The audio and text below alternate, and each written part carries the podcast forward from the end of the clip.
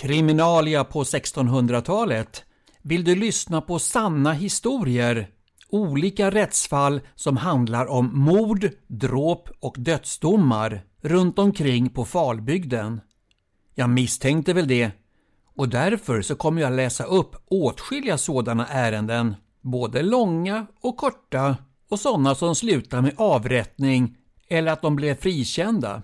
Sånt vet man aldrig i förväg. Kriminalia Rättsfall från Falbygden runt mitten av 1600-talet som berör mord, dråp och dödsdomar. Återigen Vartofta häradsting, men den här gången den 4 augusti år 1646. Denna dag ställdes inför rätten två soldater som tjänade under kapten den manhaftige Erik Larsson i Vartofta kompani.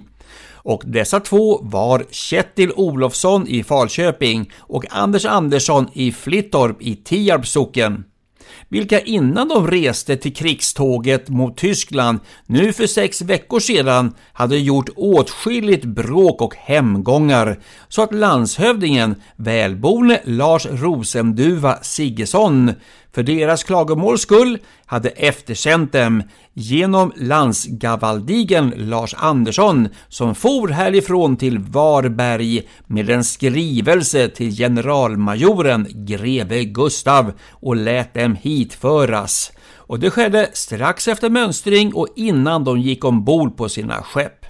Första ärendet gäller den 18 juni när de kom till en rättare i Dvärstorp, Anders Olofsson, och när de kom så stod han där på gården. Och då frågade soldaterna var deras skjutshästar var någonstans och rättaren svarade och sade Ni ska få fullt ut vad ni ska ha. Ty de var skickade av en kapten som var i mark neråt Danmark och skulle ta med sig några soldater. Men de hade också en fängslad dräng med sig som de hade fört med sig med våld från en ryttare. Men då plötsligt gav de sig på rättaren med hugg och slag och en av dem red omkull honom så att han stötte sig illa mot en stock.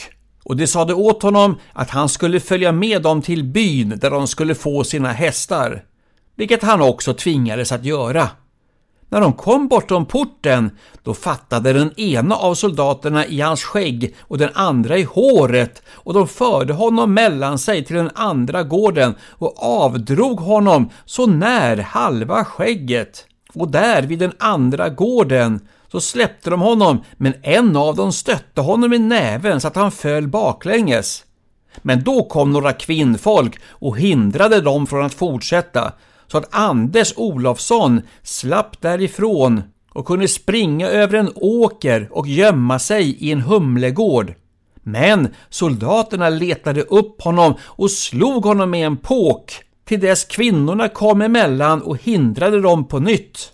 Detta skedde eftersom de inte fick sina hästar tillräckligt fort. Så istället tog de två hästar från andra frälsebönder, vilket de inte hade rätt till. Två dagar senare, den 20 juni, så skyndade de sig iväg till Varberg. Men då kom de till Bästorp utanför Falköping. Och den ena av soldaterna, Anders Andersson, han talade hårdeligen till en viss Bengt som bodde där angående en skjutshäst. Och i hans stuga hade han slagit dennes gårdbo med ett spjut, liksom hans hustru tvärs över armen med samma spjut och stött henne över munnen med näven och sedan dragit honom i hår och skägg och slagit honom åtskilliga örfilar så att hon måste rymma ur huset med honom. Men hon kom inte långt utan tvingades ge dem mat. Och medan hon tillredde maten och ställde fram den så försvann det från huset en skjorta och ett par bundna linstrumpor och sedan reste de därifrån men inte mot Varberg, utan in till Falköping, där de satte sig för att dricka en stund. Men mot aftonen så red de mot Agnetorp. Där bodde befallningsmannen, välaktade Anders Mattsson. Då mötte de Sverkel Pedersson som den ena soldaten, Kjetil Olofsson, var avundsjuk på så han drog sitt svärd och högg efter Sverkel Pedersson och gjorde ett köttsår i huvudet och förföljde honom genom Agnetorps bygata så att han måste springa till sin hjälp långt ut i en rågåker. Men soldaterna tröttnade på att förfölja honom och gick in i fogdens hus. Då var de fyra i sällskap. Men de andra två förhöll sig inte alls så illa som Anders Andersson och Kjetil Olofsson. Då låg befallningsmannen i sin säng och sov. Men soldaten Anders Andersson, han sprang till väggen och tog fogdens svärd och sade Detta ska jag ha i pant till dess jag får min löning. Och så drog han ut svärdet och slängde sig mot sängen och ryckte och drog i befallningsmannens hår och högg honom över tinningen ett köttsår och sedan högg han i bordet två stora hugg tvärs genom bordklädet och ett hugg tvärs över ett stop med öl så att det föll ner på golvet och sedan tog de fatt i hans räkenskaper som låg där på bordet så att det for riktigt illa. Därpå sönderslog de hans svärd varpå befallningsmannen flydde ut ur huset och undkom i blotta skjortan eftersom det var två kvinnfolk där som hindrade soldaterna så de inte kunde förfölja honom. Soldaterna gjorde sig fria och skyndade efter för att söka efter befallningsmannen. Men då steg några främmande kvinnfolk fram och soldaten Anders Andersson frågade dem Vart tog han vägen? Men de svarade att han sprang ifrån gården ut på en åker där han inte alls befann sig för han hade stängt in sig i en liten kammare. Och då rände Anders Andersson mot åkern och sökte efter honom, men när han inte kunde finna honom kom han tillbaka igen. Därefter red de från gården och upp på en backe och såg sig omkring. Då kom riksfogden, löjtnanten Abraham Bengtsson i Bosarp, förmodligen i Härja socken. Honom överföll de så pass hårt att han tvingades tigga sig undan dem. Men honom gjorde de inget mer utan red sin väg mot Karleby, där de kom fram i Rättaregården och fordrade skjutshästar. Rättaren svarade att han hade inkvarterat fem kompanier med östgötafolk och visste inte hur han skulle kunna få tag på hästar till dem. Då sade Kjetil Du ska lägga mig här i byn Därefter tog de tag i hans skägg och slog honom med en påk över axeln. Så illa att han fortfarande inte kan klä på sig och klä av sig sin skjorta alldeles själv.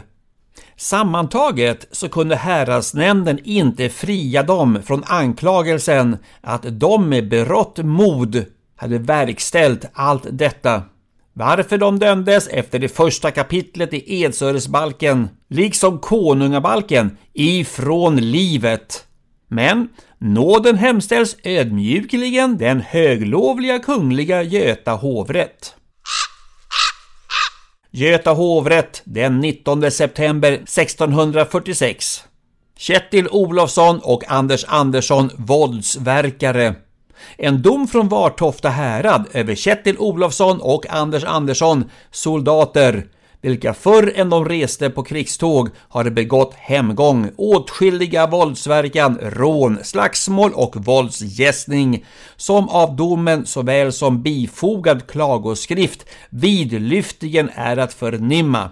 Det anges också i domen att ingen bättring är att förmoda hos dem. Beslut All den stund Kjetil Olofsson och Anders Andersson har överdådiga gärningar begått som är hemgång, våldsverk, rån, slagsmål och våldsgästning på åtskilliga personer såsom också slagit profossen som ville förhindra deras överdådiga och olägliga förehavanden.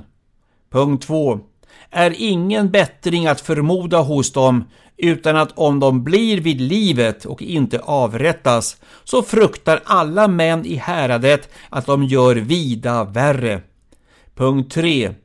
Finns hänvisning till annan skrift i samma volym, ett likadant exempel. Därför kan de inte benådas livet, utan ska andra till sky, varnagel och exempel justificeras, alltså avrättas utan uppskov.